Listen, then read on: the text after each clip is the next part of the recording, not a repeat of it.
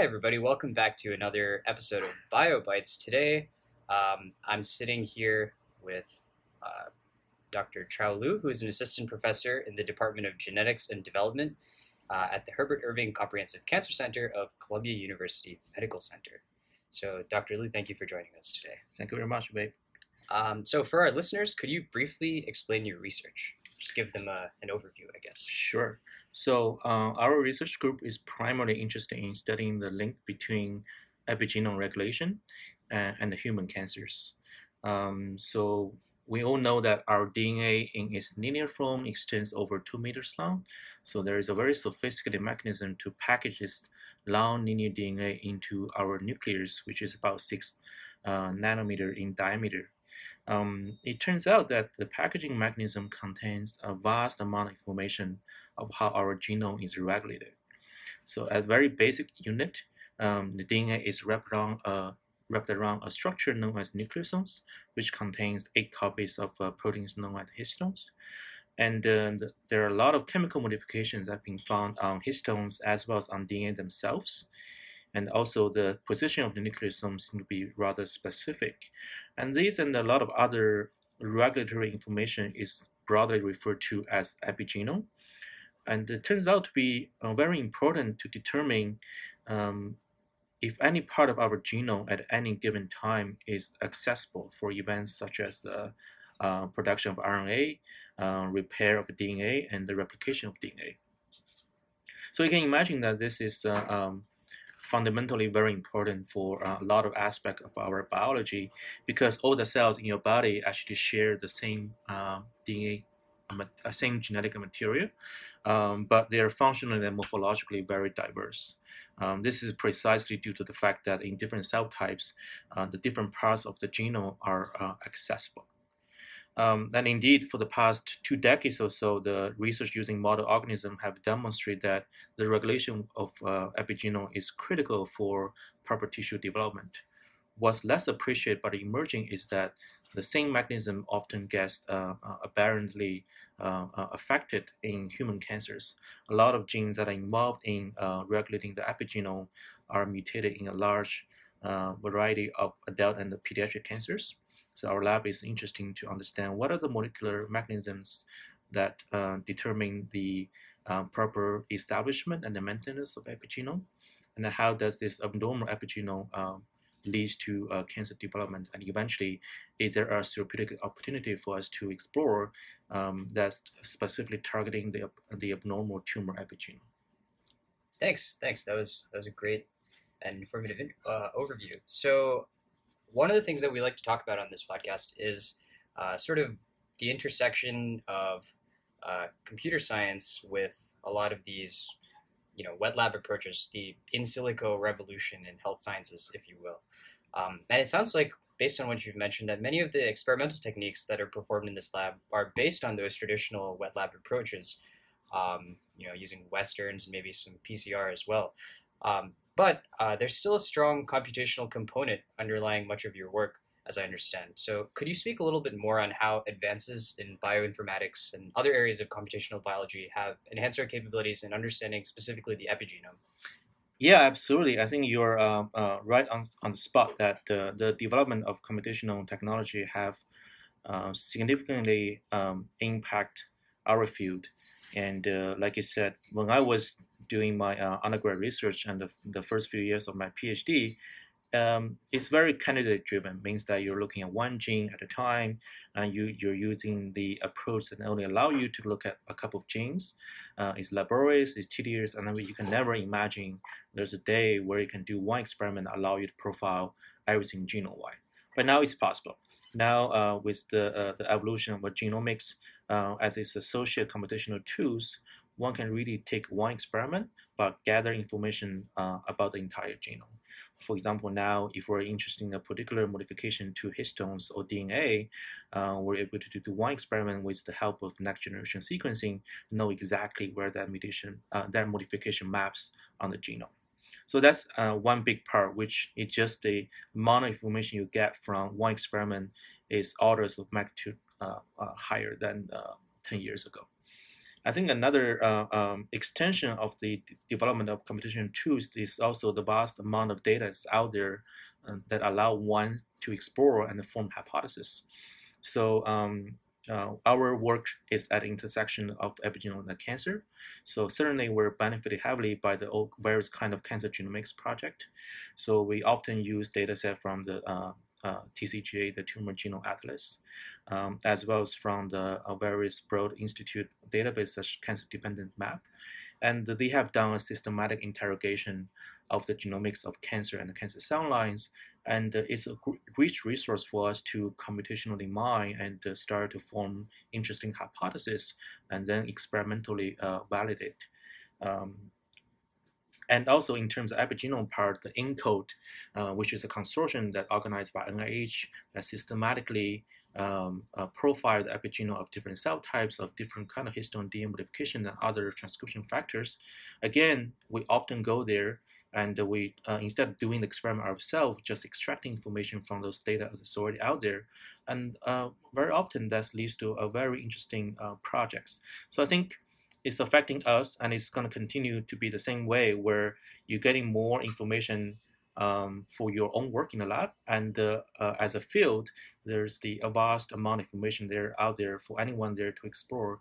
Uh, and with the enhancement of data sharing i just believe that in the future it is possible that you can have a project entire based in silico uh, with very minimal experimental uh, uh, validation part.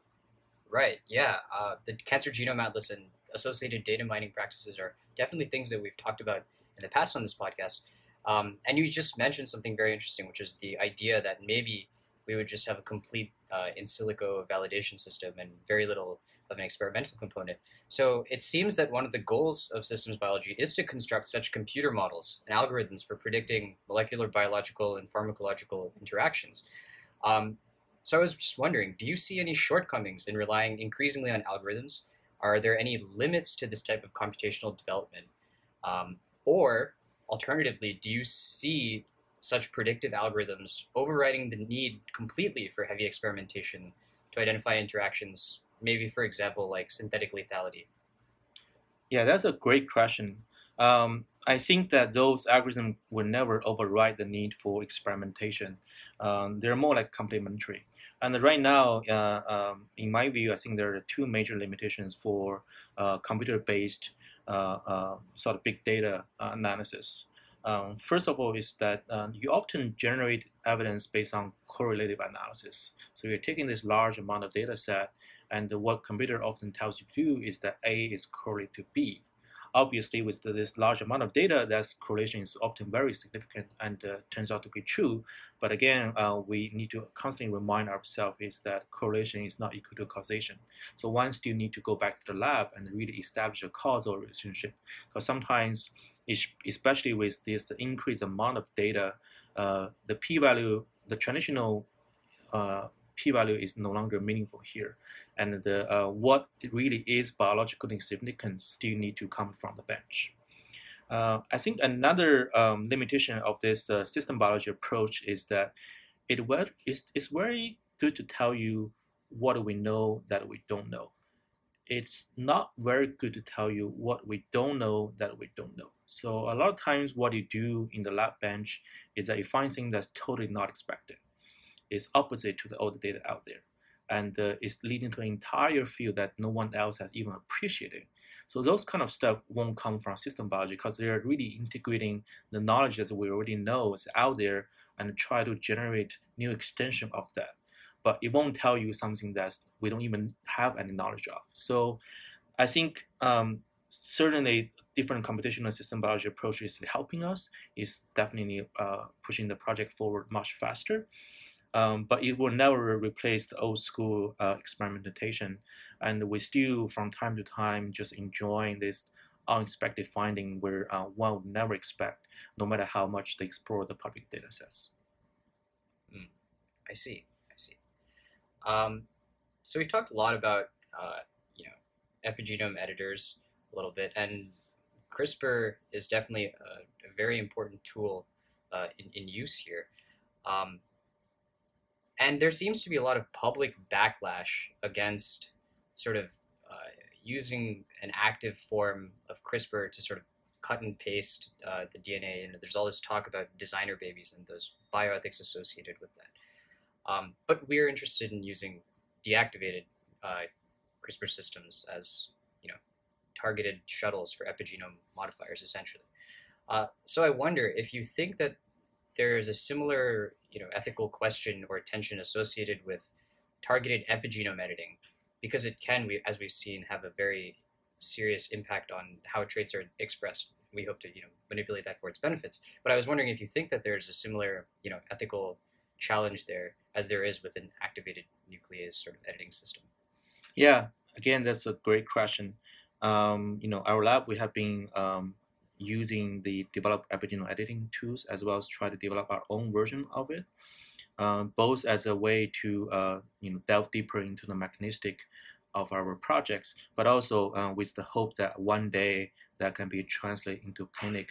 Um, so instead of editing the genome, you're editing the epigenetic informations on that gene uh, to achieve the same uh, uh, phenotypic uh, result. So co- compared to genome editing, one um, benefit arguably is that the epigenome editing is not heritable. So although there's still very much debate going on, but it seems like much of our uh, epigenome is getting reset whenever um, we produce our offspring. So during the embryonic stage, um, all the modification of um, DNA and much of the histone gets erased. So it's like you're starting from a brand new uh, um, epigenome. So you can imagine that whatever uh, Cas9 based epigenome editing you did on your cells, chances are you won't pass on that information to your offspring. So that's very different from the uh, genomic editing um, that erases a lot of the uh, uh, ethical concerns as well as uh, some of the larger societal uh, concerns of it. But with that being said, you know there are studies suggesting some of the epigenetic information can be inheritable, even um, can pass on for generations.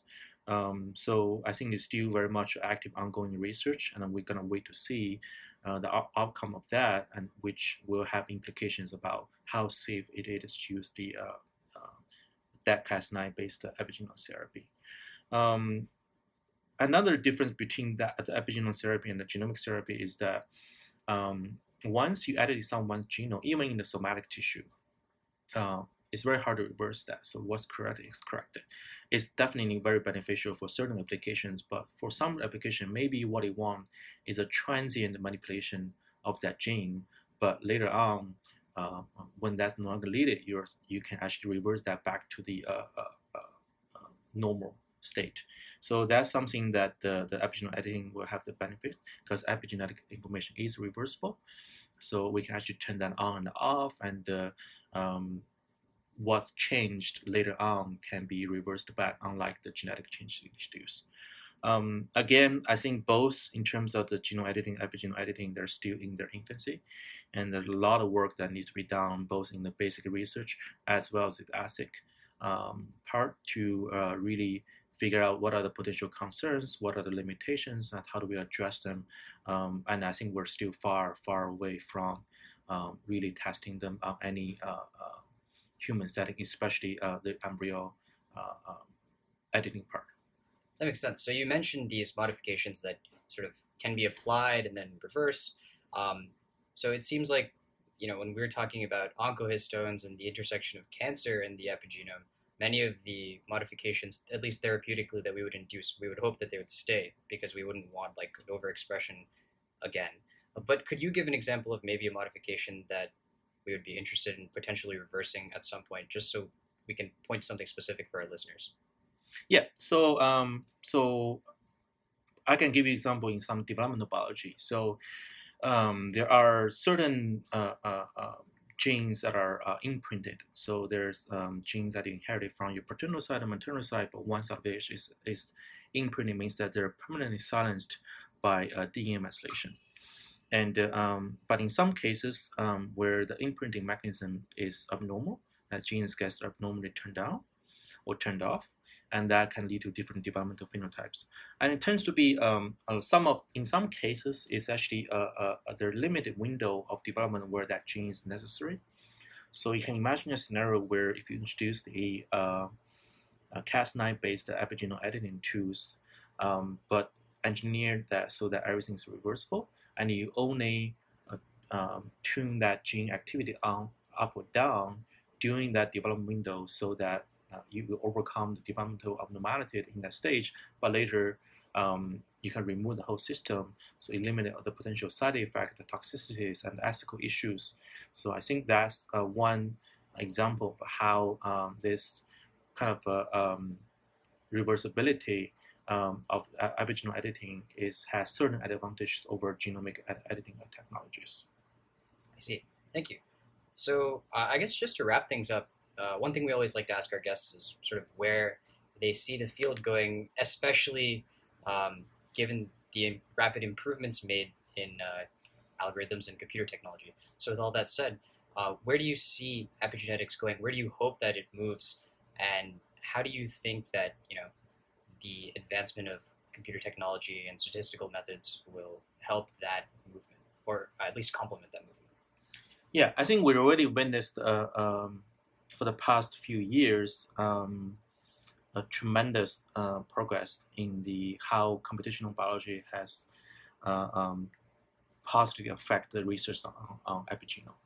Um, right now, um, every year there's new technology about how to do uh, cool sequencing that comes out. Um, sometimes it's almost hard to catch up. Uh, and I imagine that will continue to be the trend where we'll be able to, to uh, assess the, uh, the landscape of our epigenome in a much faster much cheaper and much deeper uh, uh, fashion.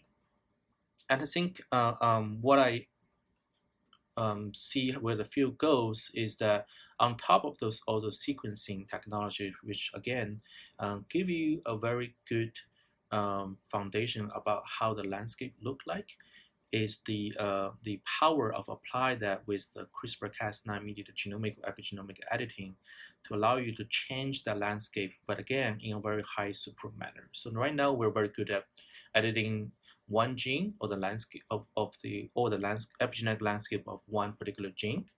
Um, but um, right now with the this uh, uh the the the improvement of the CRISPR-Cas system, uh, we're really able to uh, adapt this uh, engineering system into high throughput manner.